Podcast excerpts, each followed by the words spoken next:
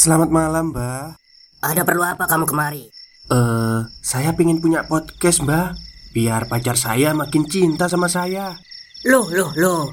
Mau bikin podcast kok tanya dukun? Sekarang kamu download aplikasi Anchor.fm. Di situ kamu bisa buat podcast gratis dan podcast kamu bisa didistribusikan ke platform mana pun. Dan di aplikasi atau website Anchor.fm juga terdapat fitur-fitur yang memudahkan kamu untuk membuat podcast. Oh, gitu ya, Mbak. Kalau gitu, saya boleh minta password wifi-nya, Mbak. Buat apa? Buat download Anchor.fm, Mbak.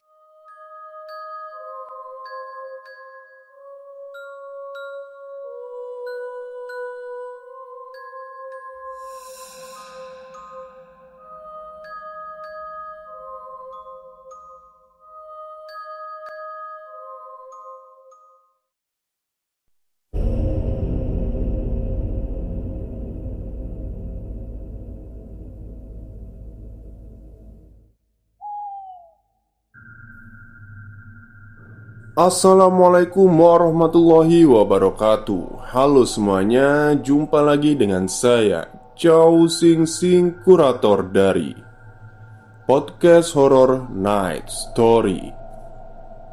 Halo, apa kabar semuanya? Semoga kalian semua sehat-sehat ya.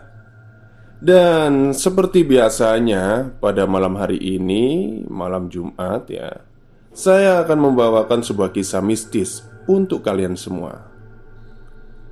Dan kisah mistis kali ini singkat ya, tidak terlalu panjang karena ya memang singkat ceritanya.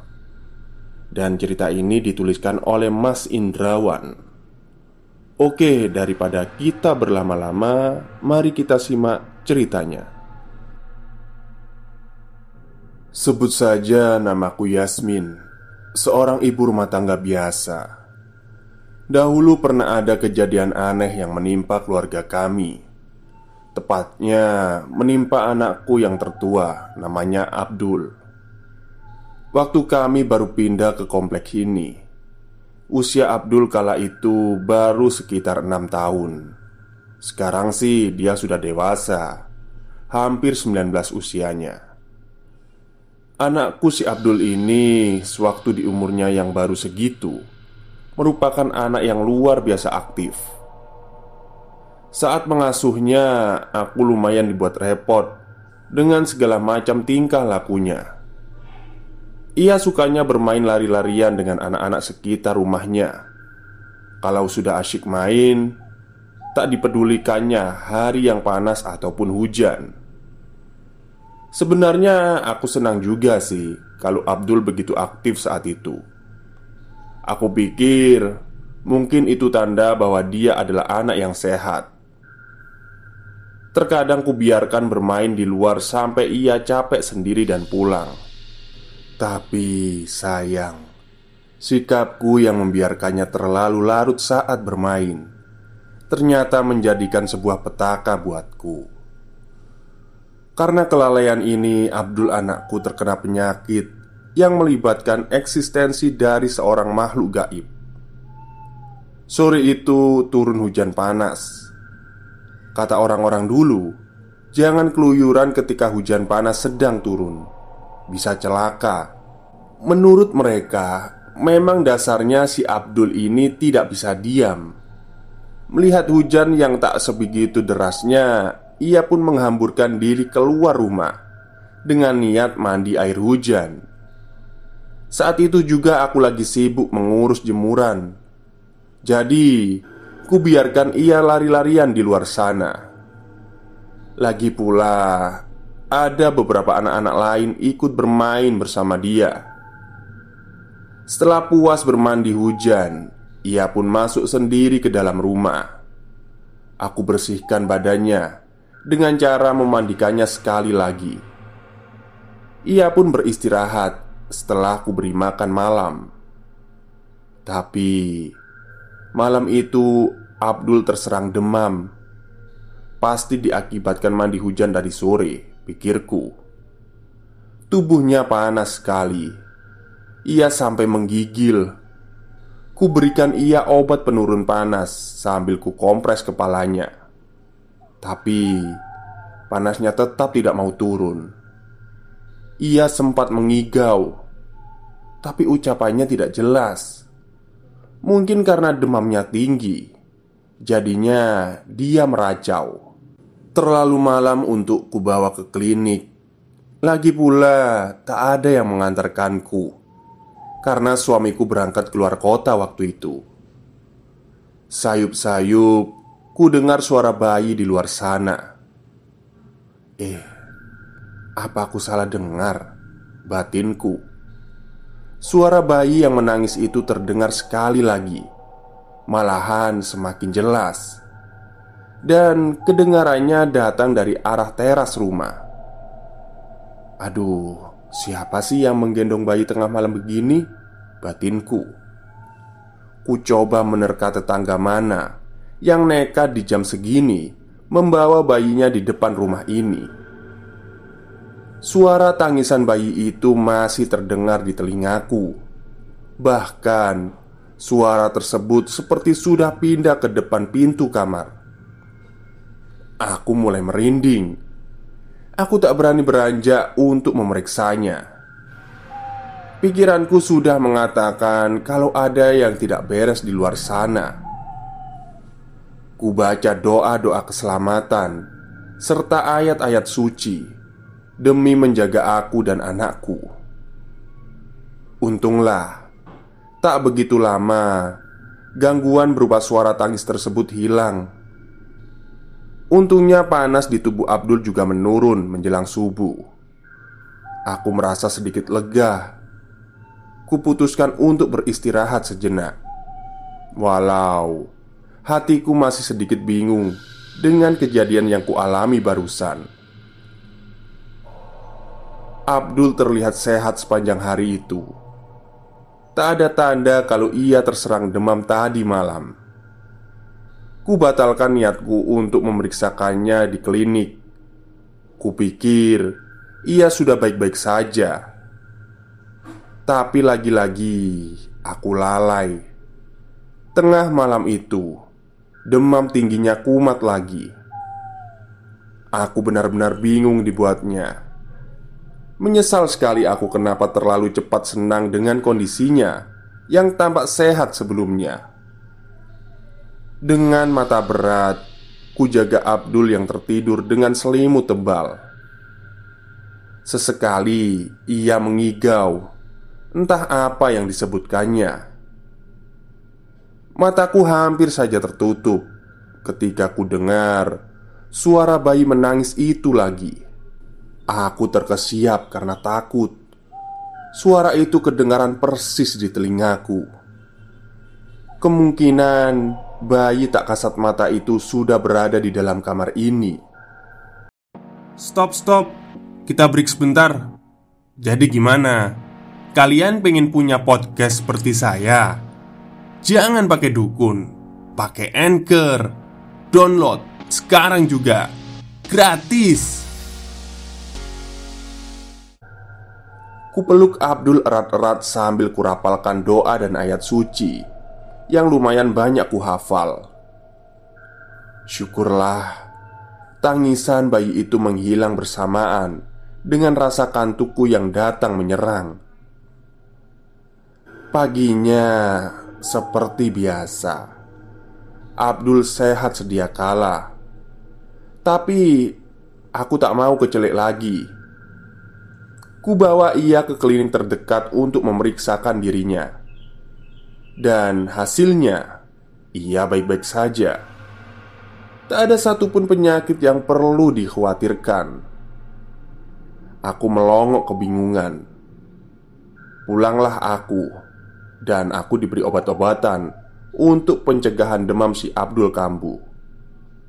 Tapi Itu tidak menjawab rasa bingungku akan kejadian dua malam yang lalu, dan akhirnya terjadi lagi sesuatu pada diri Abdul.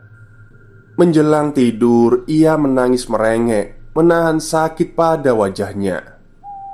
Demamnya pun meninggi. Ku beri ia obat untuk mengurangi rasa sakitnya. Tapi mendadak kulihat perubahan pada wajahnya.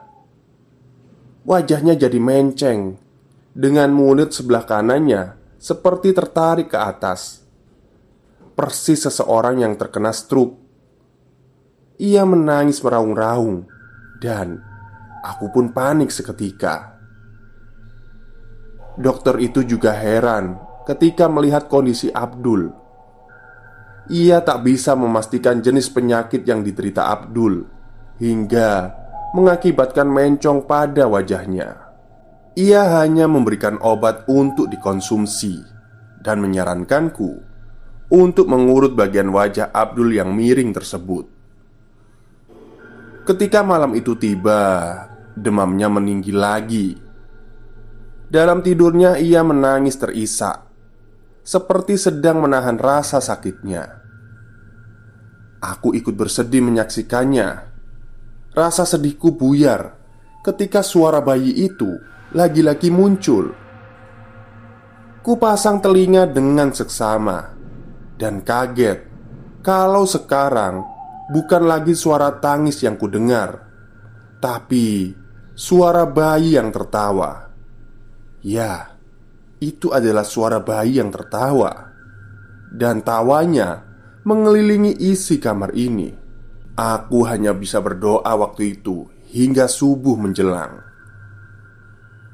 Beberapa tetangga datang melihat keadaan Abdul pagi itu. Mereka memang sudah tahu kondisi kami Karena aku sempat curhat pada mereka tempo hari. Dari salah satu mereka aku disarankan untuk menemui seseorang yang katanya semacam orang pintar. Menurut dia, sepertinya ada yang janggal terkait penyakit yang diderita oleh Abdul, dan juga teror yang kami alami beberapa malam yang lalu. Ya, tak salah juga untuk dicoba. Yang penting, Abdul bisa sembuh, dan kami bisa bebas dari gangguan gak jelas itu. Dan aku juga penasaran Ada apa sebenarnya di balik semua kejadian ini. Akhirnya aku datangi alamat orang pintar Yang dikatakan tetanggaku kemarin. Ia memperhatikan keadaan Abdul yang masih miring mukanya. Ia manggut-manggut Dan mulai mengucapkan pelan semacam ayat-ayat Sambil memejamkan mata. Selesai ia merapal bacaannya Ia mulai berbicara padaku Eh, jadi gini bu Katanya. Anak ibu ini kemarin lari-larian di jalan. Ia nginjak anaknya Jin. Hah? Gimana pak? Tanyaku Masih belum paham. Anak ibu ini nginjak anaknya Jin. Nah, Emaknya si anak jin ini marah. Terus ngebales nginjakin mukanya si anak ibu Terang si orang pintar itu Aku terhenyak Lalu teringat hari di mana Abdul bermain di luar saat hujan panas yang lalu. Jadi, saat itu si anak jin ini lagi belajar berjalan, Bu. Lagi dijagain sama emaknya. Kalau bisa, Nanti bilangin sama anak-anak di rumah ibu Biar jangan main di sekitar rumahnya Rumahnya yang mana pak? Tanyaku lagi yang mulai paham Deket rumah ibu Ada pohon nangka gede kan?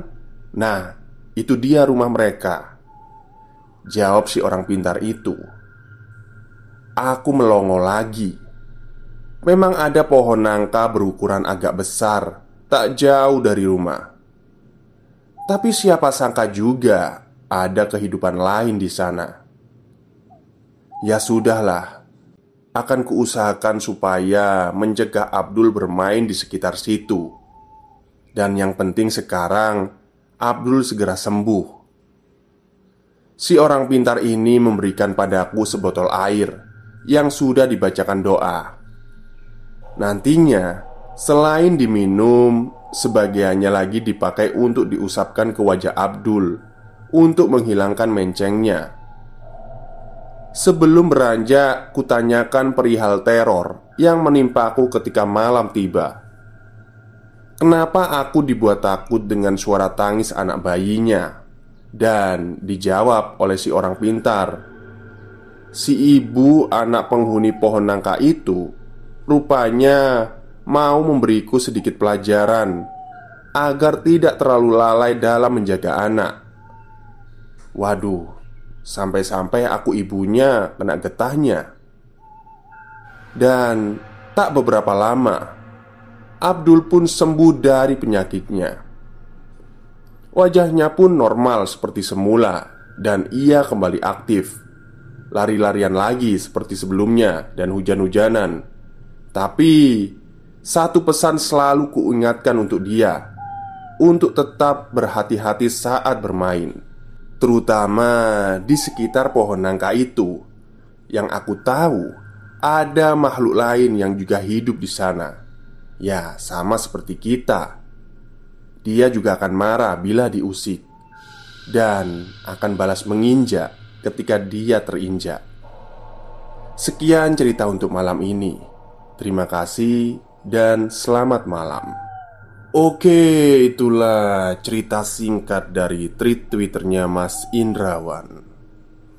Jadi, bagi kalian yang sudah punya anak atau belum punya anak, kalau sedang bermain lari-larian itu hati-hati ya Kadang-kadang itu kita bisa menginjak mainannya jin Atau seperti tadi Anak jin yang sedang belajar berjalan Kita injak Bayangkan itu diri kita gitu loh Ya pasti marah lah Tapi salah mereka juga sih nggak kelihatan gitu Baik mungkin itu saja cerita pada malam hari ini. Semoga kalian semua terhibur. Wassalamualaikum warahmatullahi wabarakatuh.